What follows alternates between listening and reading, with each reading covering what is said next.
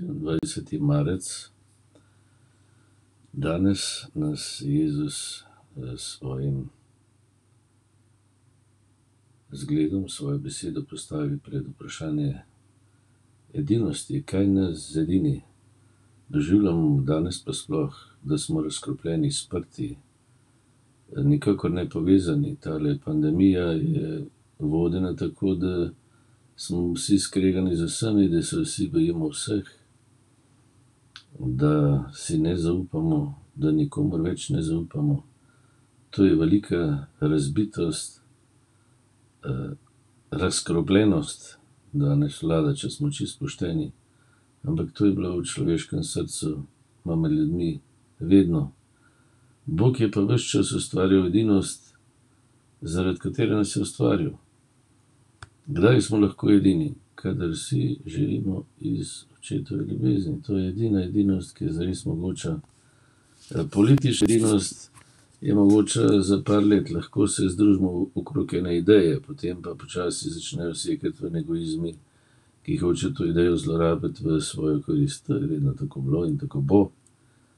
Ker ljudje sami od sebe kaj več ne zmoremo, tako da, to, so Judje potem tudi doživeli. Rimljani so jim uničili tempelj pa jih razgnali. To, kar so se bali, zaradi tega so tudi Jezusa ubili, da se to ne bi zgodilo. Ampak se je ravno obratno zgodilo, kot so pa planirali. In s temi našimi politikami je vedno tako. Tudi zdaj bo, se mi zdi.